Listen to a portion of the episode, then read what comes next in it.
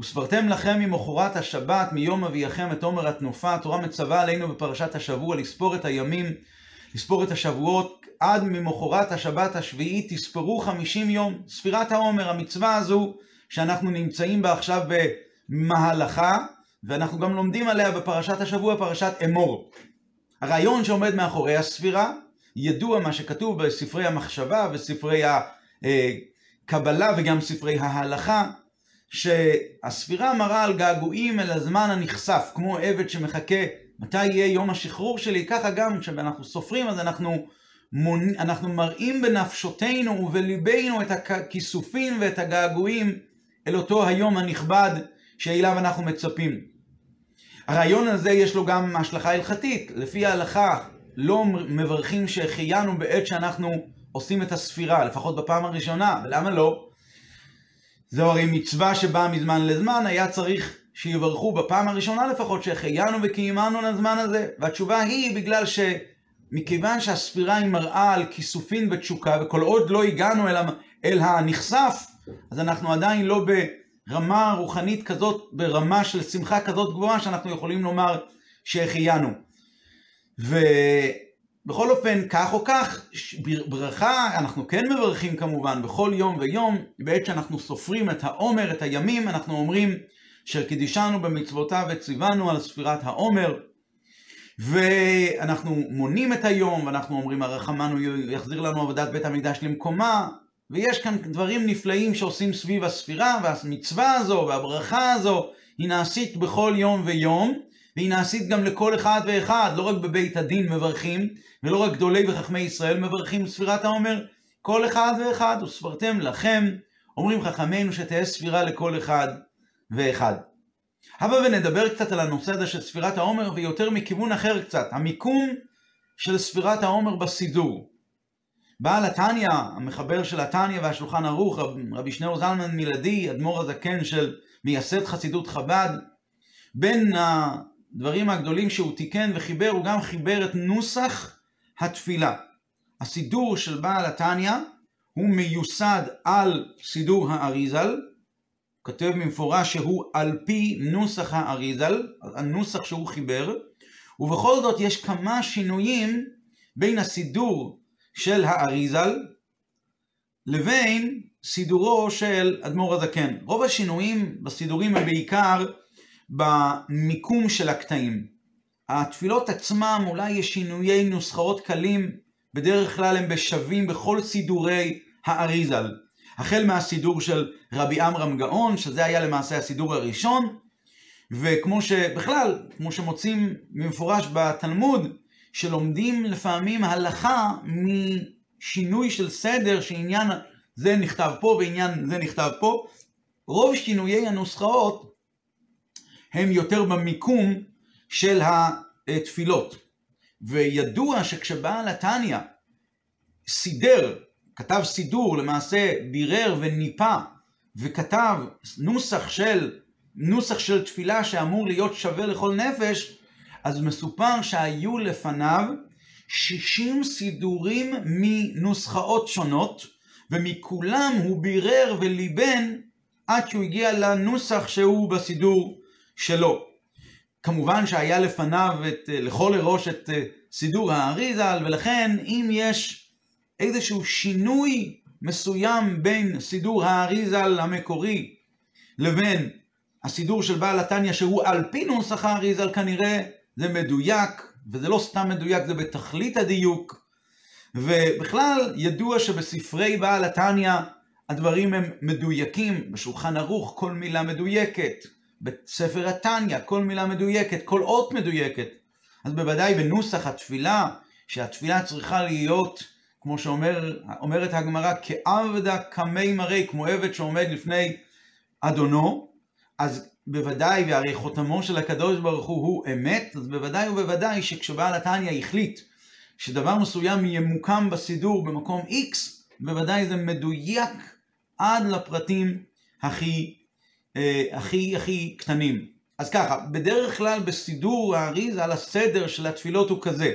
בהתחלה מופיעים, מופיעות התפילות של ימות החול. אחריהם, אחרי ימות החול, התפילות של השבת, אחרי זה תפילות של שלוש רגלים, כולל הגדה של פסח, ואז מופיע ספירת העומר, ואז מופיעים, מופיעות התפילות של ראש השנה ויום הכיפורים, ואחר כך מגיעים הכוונות, סידור האריזל, אריזל שהיה מקובל גדול, ראש המקובלים, אז אז מופיעים אחרי תפילות ראש השנה ויום הכיפורים הכוונות של סוכות, של הלולב ונענועיו, כל הכוונות של הנענועים, ואז מופיע סדר ההושענות, ובסיום הסידור בסוף בסוף מופיעים הכוונות של שמיני עצרת ושמחת תורה. ככה זה בסידור של האריזל. ככה זה גם בפרי עץ חיים של רבי חיים ויטל תלמיד האריזל, שבו מבוארות הכוונות של התפילות, זה לא סידור, אבל שם בפרי עץ חיים מופיעים כוונות של כל התפילות, אז הוא מסיים גם שם בכוונות של התפילות של שמיני עצרת ושמחת תורה. אותו דבר בשער הכוונות, גם ממש דומה, רק ששם, אחרי זה בכתבי האריזה, רק ששם אחרי שמיני עצרת ושמחת תורה מופיעים גם הכוונות של חנוכה ופורים, שהם מגיעים אחרי שמיני עצרת ושמחת תורה. אז מובן שבכל העניינים שמבוארים בספרים, באריזה, בפרי עץ חיים ושאר הכוונות, יש שם רזי תורה ורזי, וסודות נפלאים, לא רק במה שכתוב שם, אלא גם בסדר, איך שזה מופיע, בסדר הדברים. ולמרות כל זאת, בעל התניא, שהוא מסיים, הוא מסדר את הסידור שלו ובוחר ומנפה אותו ומוציא אותו, אז שם סידור תפילה, סידור אדמו"ר הזקן, בעל התניא, סידור תורה אור, הוא מסתיים בספירת העומר. והדבר תמוה ביותר, שהרי למה בחר אדמו"ר הזקן לסיים את הסידור בספירת העומר, באופן שהוא הרי ראה את הסידורים האחרים, ובאופן שונה וכל כך מופגן, הוא מסדר את זה אחרת. יש, יש שינוי נוסף שאנחנו רואים בין הסידורים השונים. ההתחלה של סידור האריזל היא בעניין של, כך כתוב שמה, כללות תיקון ועליית העולמות על ידי מעשה ותפילה. הוא מבאר שמה באריכות בהתחלה של הסידור שלו את העניינים של הפעולות שהגמרא אומרת שצריכים לעשות כהכנה לתפילה. בן אדם צריך להיות, אה, להתפנות, ליטול ידיו, אז הוא מבאר את כל העניינים האלה על פי קבלה. ארבע עניינים שהגמרא אה, אומרת שבן אדם צריך להכין את עצמו לקראת התפילה. זה התחלת סידור האריזל. התחלת סידור בעל התניא היא על המעלה של קימה של חצות הלילה, וזה דבר ממש אה, מעניין וצריכים להבין את השינויים שיש בין הסידורים השונים. טוב, בכדי להבין באמת את העניין, צריכים להקדים ולבאר את ההבדל היסודי שיש בין הסידור של אדמו"ר הזקן לבין הסידור של האריזל. בעיקרון בסידור האריזל יש ריבוי ריבוי כוונות שהן שייכות לעולם הסוד, רזין דאורייתא. אדמו"ר הזקן לעומת, לעומתו לא מביא בסידור את הכוונות האלה. אין כוונות קבליות בסידור אדמו"ר הזקן. בפשטות הסיבה לזה היא כי הסידור של אדמו"ר הזקן הוא אמור להיות מיועד לכל נפש, זה הלשון, שווה לכל נפש.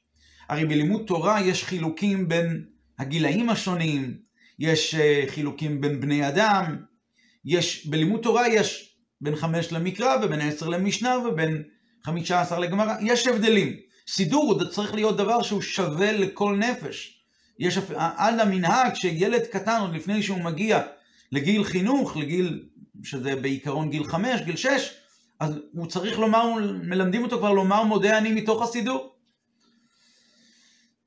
אז ברור שבפשטות אה, הסידור מיועד לכולם. סידור לא מיועד רק עבור צדיקים, בפרט לא, לצד... לא רק לצדיקים שהם בדרגה נעלית ביותר, צדיקים כאלה שהקדוש ברוך הוא גוזר, ברוך הוא גוזר והצדיק יש לו את היכולת לבטל, או צדיק גוזר והקדוש ברוך הוא מקיים, אלה צדיקים ברמות גבוהות, אבל אלה צדיקים הם, כאלה צדיקים הם מועטים ביותר, אבל סידור התפילה לעומת, לעומת זה, הוא דבר שהוא אמור להיות שווה לכולם, לכל כלל הציבור, ציבור ראשי תיבות, צדיקים, בינונים ורשעים, ולכן בפשטות אדמו"ר הזקן החליט לא להביא בסידור שלו את כל הכוונות שמופיעות בכתבי האריזל ובסידור האריזל, כי במפורש הכוונות האלה לא שוות לכל, לכל נפש. לכן המקום שלהם הוא לא בסידור ששווה לכל נפש. אז איפה הוא מבאר את כל הכוונות? אז זה בשאר הספרים של בעל התניא, שזה כמובן בספר התניא, בליקוטי תורה, בדרושים של רבותינו, נשיאינו, שבאו לאחרי בעל התניא, שהם מבוססים על דברי בעל התניא, אבל המקום שלהם הוא בכל אופן לא בסידור. יש כוונות מסוימות שכן מופיעות בסידורי האריזל, לדוגמה בהלל הגדול של תפילת שבת, שאומרים הודו להשם כי טוב כי עולם חסדו, אה, הודו לאלוקי אלוקים כי לעולם חסדו, הודו לאדוני האדונים כי לעולם חסדו, לא עושה נפלאות גדולות לבדו, כל הסדר הזה, אז שם יש איזושהי כוונה ש... שהאנשים שאומרים את זה אמורים לכוון על השם הוויה, שמדובר שם על 26 אה, הודו, הודו להשם, כי לעולם חסדו, החסדים, כי לעולם חסדו, 26 פעם כנגד שם הוויה, אז יש שם איזושהי כוונה מסוימת, וזה גם מופיע בהגדה של פסח, שהאדמו"ר הזקן מופיע, מביא בסידור. הסיבה לזה היא כי הכוונות האלה כן שייכות לרבים, אבל רוב רובם של הכוונות הן באמת לא שייכות לרבים. זה הבדל יסודי ובסיסי שיש בין סידור האריזל לבין סידור בעל התניא. פה יש כוונות ופה בגדול אין כוונות. עכשיו יש כאן למעשה, אולי באמת כדי להבין את זה יותר לעומק, הבה ונבין, אז לפי זה באמת צריכים באמת להבין יותר לעומק, למה באמת בחר בעל התניא אה, לקבוע את המיקום של ספירת העומר דווקא, למרות שהוא לא מעתיק את כל הכוונות, את כל העניינים, מה הסוד שמסתתר מאחורי זה שהוא קובע את ספירת העומר בסוף סוף הסידור. בעיקרון, בגדול, מצוות התפילה בכלל, היא, כמו שהרמב"ם כותב, מצוות עשה להתפלל בכל יום, שנאמר, ועבדתם את השם אלוקיכם, אומר הרמב"ם, מפי השמועה למדו שעבודה, ומה זה לעבוד את השם בלב? עבודה זו תפילה, שנאמר לעובדו בכל לבבכם, ואמרו חכמינו, איזו היא עבודה שבלב זוהי תפילה. אחד ההסברים למה תפילה היא עבודה שבלב, אז הרמב"ם בעצמו כותב, שהחי... הוא כותב אחרי זה, הוא מסביר, חיוב מצווה זו כיצד? כך הוא, שיהא האדם מתחנן ומתפלל בכל יום, ומגיד שבחו של הקדוש ברוך הוא, ואחר כך, אחרי שהוא מדבר על שבח הבורא, אז הוא יכול לבקש את הצרכים שלו, שואל את צרכיו שהוא צריך להם, והרמב"ם מוסיף, בבקשה ובתחינה. ואחר כך שוב נותן שבח והודיה להשם על הטובה, כלומר לפתוח בשבח, לסיים בשבח, ואז באמצע להתחנן ולהתפלל, בבקשה ובתחינה. הרמב"ם מדגיש כאן פעמיים את הביטוי של שזה יהיה בתחינה, בבקשה. באופן כללי המצוות בגדול, כל המצוות נחלקות בדרך כלל לשני סוגים. יש את המצוות שקשורות למעשה, הן עשייה כפשוטה, פשוט ללבוש אה, אה, להניח תפילין, ויש מצוות שהן לא במעשה ממש, אבל הן בדיבור שהוא מעשה קטן, לקרוא את המגילה, לספר ביציאת מצרים, אבל בכל אופן הקיום שלהם הוא בדיבור, לקרוא. ויש מצוות שהן לא קשורות אל, ה, אל הדיבור או אל המעשה, אלא הן קשורות אל הלב, אהבת השם, לא אהבה את השם אלוקיך, ליראה את השם.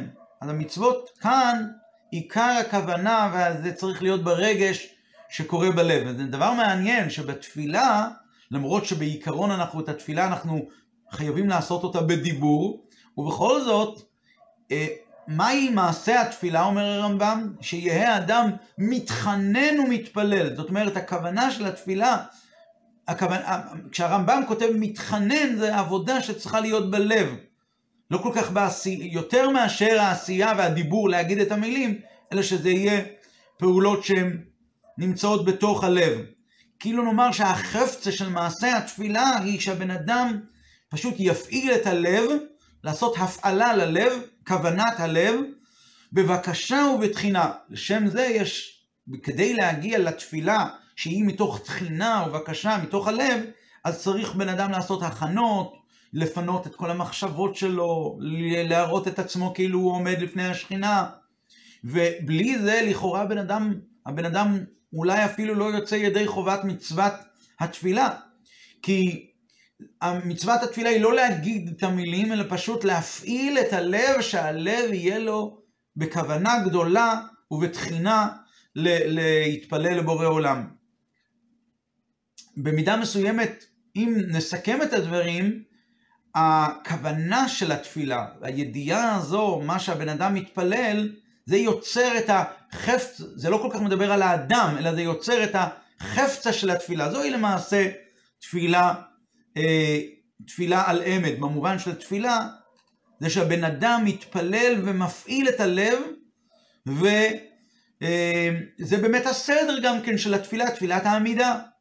בהתחלה הוא מדבר על שבח הקדוש ברוך הוא, בסיום, בס, בסוף התפילה הוא מודה לקדוש ברוך הוא, חלק ההודעה, ואז יש את הבקשות של הצרכים האישיים שלו. אבל בכל אופן, מה אחרי ככלות הכל, מהי התפילה? התפילה היא פעולתו ועבודתו של האדם. לכן, כיוון שהתפילה בגדול זוהי העבודה של האדם, אז לא נכלל בתפילה השכר שבא מלמעלה על ידי הקדוש ברוך הוא. למה? כי השכר שבא מלמעלה לא שייך לפעולת ועבודת האדם. איך כתוב? היום, אה, בקריאת שמע אומרים, היום לעשותם, אומרים חז"ל, מה זה היום לעשותם? היום לעשותם, היום צריכים בעולם הזה לעשותם, ומחר לקבל שכרם. יש את היום, יש את מחר. זאת אומרת, יש חילוק ברור מאוד בין העבודה של הבן אדם היום, לבין קבלת השכר שהיא מחר. מחר הכוונה היא לעתיד לבוא.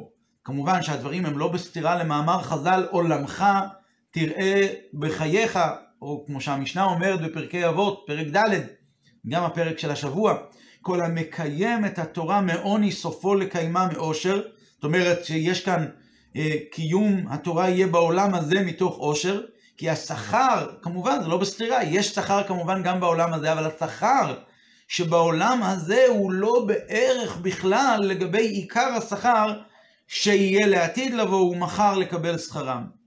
אז בעיקרון התפילה היא עבודת האדם, מה שנפעל באמצעות התפילה זה כבר לא קשור אל הבן אדם עצמו. עכשיו, הכוונות והייחודים העליונים שנפעלים למעלה על ידי עבודת התפילה, זה דומה לקבלת השכר. בן אדם מתפלל, אז לפי כוונות האריזל הוא עושה השפעות ועושה שינויים גדולים בעולמות העליונים. ויש ספירות ואורות שמתחברים אלה באלה, ואז נוצר שפע רוחני וגשמי. לא כאן המקום להסביר את זה, אבל בכל אופן, כוונות שבתפילה יוצרות פעולות למעלה. הפעולות האלה הן קצת מזכירות, וזה דומה לעניין השכר. ולכן, עכשיו נבין למה בעל התניא בחר לא להחליט, לא להכליל, את, לא לכלול את הכוונות בתוך סידור התפילה, כי מהי, מהו התפילה, מהי התפילה? מה נקודת העניין של התפילה? ולעובדו בכל לבבכם, עבודת האדם. ולכן דברים שנפעלים והם בבחינת שכר מלמעלה, ולא מכוח האדם העובד, אז זה לא מופיע, לא מופיע בתוך הסידור. הנושא הזה הוא מזכיר שאלה מפורסמת. למה באמת כשבן אדם מתפלל והוא רוצה שיהיה לו, למלות את צרכיו פה בעולם הזה, אז למה לא רואים את זה איך שזה קורה בפועל? הרי מצוות עשה מן התורה לבקש את צרכיו. כאשר היהודי מתפלל, היה עליו לראות מיד שמשאלותיו ובקשותיו מיד מתמלאים. אלא מה התשובה? שבאמת בעולמות הרוחניים נפעל מיד מילוי בקשת צרכיו. רק מה, צריכים להוריד את, ה, את הבקשות האלה שזה ירד לעולם הזה הגשמי והחומרי פה בעולם הזה. אז בגלל שבעולם הזה יש חומריות, לפעמים השכר נעצר ולא ממשיך למטה, כי בן אדם צריך אחרי הכל לזכך את החומריות שלו, החומריות של העולם שמסביבו, וכשהעולם יהיה מזוכח הוא יוכל לקבל גם למטה את השכר מיד, לו יצויר באמת הסביבה שלו אה, מזוככת, כמו אדם צדיק למשל, שהסביבה שלו והוא עצמו מזוכח, אז מיד אחרי שהוא מבקש את בקשת צרכיו, מיד הדברים האלה יורדים למטה. אבל, אבל בעולמות העליונים צריך לדעת שתכף ומיד בעת שהבן אדם מתפלל, בקשותיו מתמלאות, מתמלאים. ולכן, אה, למעלה, שאין שום מניעות ושום עניינים חומריים שמעכבים, אז הדברים באמת אמורים לפעול את פעולתם מיד. והרי כשבן אדם מעורר את הלב, מעורר את הנשמה שלו, אז הנשמה שלו היא לא, חומר, לא חומרית כמובן, והיא גם לא פגומה ולא, ולא מלוכלכת בכלל. הזוהר אומר על המילים נפש כי תחטא. אז הזוהר אומר נפש כי תחטא? איך יכול להיות? תבהה, כאילו התורה טמאה, אומר הזוהר. זה לא נפש כי תחטא, כך וכך יהיה הדין שלה. אלא נפש כי תחטא? איך זה יכול להיות? זאת אומרת, הנפש מצד עצמה לא שייכת לעניין של חטא, ומכיוון שהנפש מצד עצמה באמת לא שייכת לעניין של חטא, אז מובן שכאשר התפילה היא מתוך הכוונה, וה... כשבן אדם באמת מת... מתפלל בכוונות האריזל, והוא מכוון את הייחודים העליונים שנעשים למעלה, אז יש לו מיד את השכר כמו שהוא בעולמות שהם למעלה. אבל מאחר ועיקר עניין סידור התפילה הוא עבודת האדם פה למטה, ולא השכר שנמצא למעלה, אז לכן בעל התניא בחר, למרות שהוא יודע את גודל עניין הכוונות, והוא ישב ולמד אותם והבין אותם וכיוון, בוודאי והוא בעצמו כיוון בהם, והיה מולו את כל הסידורים הללו, הוא הביא בסידור שלו רק דברים שהם שייכים לעבודת האדם בלבד. ואת כל הכוונות שמופיעות בסידור, בסידור האריזל, הוא לא מביא. למה? כי, כי זה כאילו התוצאה של התפילה, של פעולת האדם. זה כמו שכר ולכן הוא לא מביא את זה. לפי זה נוכל להבין היטב את הסיבה למיקום של סידור, של ספירת העומר בסידור האריזל, לבין המיקום של ספירת העומר בסידור אדמו"ר הזקן. יש מעלה נפלאה בספירת העומר. יש מעלה בספירת העומר שהיא לא נמצאת בשאר ענייני התפילה, ביחס לפעולות, לפעולות של הבן אדם עצמו. בתפילה בן אדם כאמור, בן אדם מתפלל, זה עבודת האדם, ועבדתם את השם לכם בכל לבבכם, לעובדו בכל לבבכם. ובכל זאת יש בספירת העומר איזשהו משהו מסוים שהוא נעלה עוד יותר משאר ענייני התפילה. אבל בהקדמה קצרה. ידוע ההבדל בין שבת לבין יום טוב. שמה?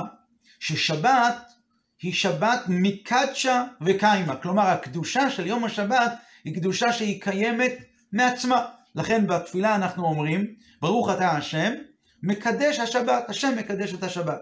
לעומת זאת, בימים טובים, אז הימים הטובים, דבר ראשון, הקביעות שלהם נקבע על ידי הפעולות של בית הדין, שהם עושה בחישוב שלו לפי חידוש החודש, והפעולות האלה של בני ישראל, שהם מקדשים את החודש, הם הם אלו שקובעים את החג. אלה מועדי השם אשר תקראו אותם במועדם, דורשים חז"ל, לא נאמר אותם בו', אלא אלה מועדי השם אשר תקראו אתם, כאילו אתם. אתם, מה שאתם קובעים, זה מה שיהיה בין בזמנם, בין שלא בזמנם. אתם אפילו שוגגים, אתם אפילו מזידים, אפילו מוטעים, אפילו שהטעו אתכם. בית דין קבע מתי ראש חודש, ולפי זה ייקבעו התאריכים של החודש, ולפי זה אנחנו נדע מתי החג הקרב הובא. אז זה ההבדל הבסיסי שיש בין שבת ליום טוב, לכן ביום טוב אנחנו מברכים, אנחנו מתפללים ואומרים, מציינים את העובדה הזאת ואומרים, ברוך אתה השם, והזמנים, השם קידש את ישראל ונתן להם את הכוח לקדש את הזמנים, לא אומרים מקדש הזמנים.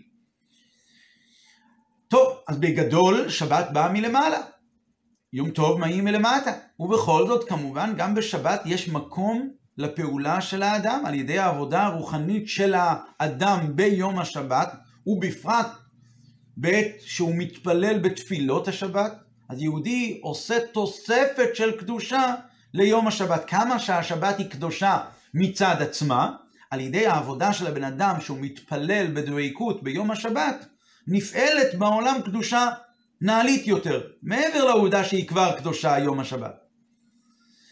מאידך, הפעולות של קידוש החודש שקובעות מתי יש, יחול תאריך מסוים של חג, שזה מסור לבית הדין, ורק הם אלה שהם uh, עושים את זה, אבל בית הדין עושה את זה. היחיד עצמו, אדם בודד לבד, יחיד, לא יכול לקדש את החודש.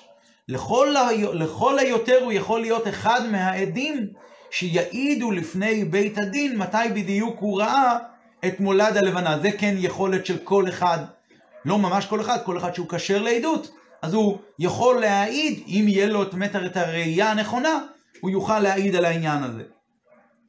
יוצא מהכלל זה חג השבועות. חג השבועות, הקביעות שלו נעשית על ידי ספירת העומר. הקביעות של החג היא לא תלויה מתי, עקרונית, לא תלויה מתי ראש חודש סיוון. קביעות של, אנחנו היום יודעים שחג השבועות תמיד יחול ביום ו' בסיוון. אבל בעיקרון, קביעות החג לא תלויה בראש חודש סיוון, אלא היא תלויה בספירה של מ"ט יום. שבעה קבענו מתי חג השבועות, אחרי ש... סליחה, קבענו מתי פסח, במוצאי יום טוב ראשון של פסח מתחילים לספור, אחרי שספרו מ"ט יום 49 יום שבעה שבועות תמימות, ביום החמישים, כאשר סיימנו את 49 ימי הספירה, ביום החמישים יחול חג השבועות. ועקרונית, בזמן שהיו מקדשים על פי הראייה, יכול חג השבועות להיות ביום ה' או ביום ו' או ביום ז'. זוהי למעשה העניין של ספירת העומר. זוהי פעולות של האדם בתור יחיד, וספרתם לכם, לא בית דין, וספרתם לכם כל אחד ואחד. לכן עכשיו לפי זה מובן, כאשר אנחנו מדברים על, אה, על עבודת האדם ופעולת האדם, שזה למעשה עניין הסידור בכלל, אז הדרגה הכי נעלית בעבודת האדם היא ספירת העומר. ולמה? כמו שאמרנו מקודם, שבת היא מקדשה וקיימה, היא קדושה כבר מאליה, גם בלי בני ישראל. לכל היותר בן אדם יכול להתפלל בדבקות ביום השבת ולעשות תוספת של קדושה, אבל השבת כבר קדושה מצד עצמה. יום טוב הוא אמנם תלוי באדם פה למטה, אבל לא בכל אדם פרטי, בבית הדין, מתי שבית הדין יקבע את ראש חודש. רק בספירת העומר יש הדגשה של הפעולה והעבודה של כל יהודי ויהודי, שעל ידי ספירת העומר נקבע היום טוב של סדר, של חג השבועות בכל סדר ההשתלשלות, כולל אצל הקדוש ברוך הוא בכבודו ובעצמו. לכן עכשיו לפי זה נבין מדוע אדמו"ר הזקן בחר לקחת את ספירת העומר ולמקם אותה בסיום הסידור. מאחר ובסידור של אדמו"ר הזקן מובאים רק העניינים שהם שייכים לפעולות ולעבודות האדם, כמו שאמרנו מקודם לגבי הכוונות, שכוונות זה לא פעולת האדם, זה כאילו שכר שבא מלמעלה. מעין בכל אופן בדוגמת שכר שבא מלמעלה, שזה כבר קשור לבורא עולם, זה לא קשור לעבודת האדם. לכן, אדמו"ר הזקן, שהוא לא מביא את הכוונות, הוא מביא רק את הדברים השווים לכל נפש. אז לכן הוא מסדר את הסידור שלו בסדר של מן הקל אל הכבד. דבר ראשון, ועכשיו נבין גם את השינויים הנוספים שיש בין סידור אדמו"ר הזקן לבין סידור האריזל, המקורי. בסידור אדמו"ר הזקן אה, הוא מתחיל במעלה של קימה בחצות הלילה, שהיא עת רצון למעלה. זאת אומרת שהדבר הזה יסייע לו להתגבר על יצרו שמפתה אותו להמשיך בשנתו. אחרי זה הוא אומר מודה אני, עוד שהידיים שלו הן לא טהורות, הוא עדיין לא נטל את ידיו. הוא יודע שהשם ניצב עליו והוא חושב על זה ומיד הוא אומר מודה אני לפניך. והאמירה הזו של מודה אני לפניך היא פועלת על, על האדם במשך כל היום, אחרי זה באה עבודת התפילה. לכל, הראש, לכל הראש בסידור אדמו"ר הזקן מופיעים התפילות של ימי החול, בזמן שהוא עסוק עדיין בעבודת החול. ולכן עבודת התפילה בזמן הזה קשורה עם הבקשות והצרכים האישיים של הבן אדם. אחרי זה מגיע, מגיעים לתפילת, תפילות השבת, שבו בן אדם נמצא כבר בדרגה יותר נעלית, וקראת לשבת עונג, הוא נמצא כבר ברמה יותר גבוהה. אחרי זה עבודה של התפילה לפי סדר אדמו"ר הסידור. עבודת התפילה של ימים טובים, שהשמחה היא בהם גלויה יותר, ושמחת בחגיך. ומובן בפשטות שעבודת התפילה בשבת ובחג היא הרבה יותר נעלית מאשר עבודת התפילה ביום חול. אבל מאידך, הפעולות של האדם בשבת וביום טוב הם באופן כזה של הוספה על העניינים שכבר קיימים. הם לא פועלים דברים חדשים לגמרי, הם פועלים דברים שכבר קיימים, כי השבת כאמור היא קדושה מאליה. אחרי זה מגיעים לתכלית השלימות בעבודת האדם והפעולות של האדם, וזה, וזה מתבטא, זה העניין של ספירת העומר, שבאמצעות ספירת העומר של כל אחד ואחד נפעל, שביום החמישים יהיה חג השבועות. וזה בנוסף למעלות המיוחדות שיש לספירת העומר, שאנחנו אומרים בקטע של ריבונו של עולם, אז אומרים על ידי זה יושפע שפע רב בכל העולמות, כמו שמבואר בתורת הקבלה והחסידות, שהספירת העומר היא קשורה לבירור שבע המידות, כמו שכל אחת מהן כלולה בשבע. בכל אופן, המעלה הזו של ספירת העומר היא מיוחדת לגבי כל העניינים שקשורים לעבודת התפילה. אפילו לגבי התפילה של חג השבועות עצמו. ולכן בסידור האריזל הוא לא מסיים בספירת העומר, כי בסידור האריזל מובאים לא רק עניינים שקשורים לעבודת האדם ופעולות של האדם, אלא גם עניינים שנפעלים בעולמות העליונים.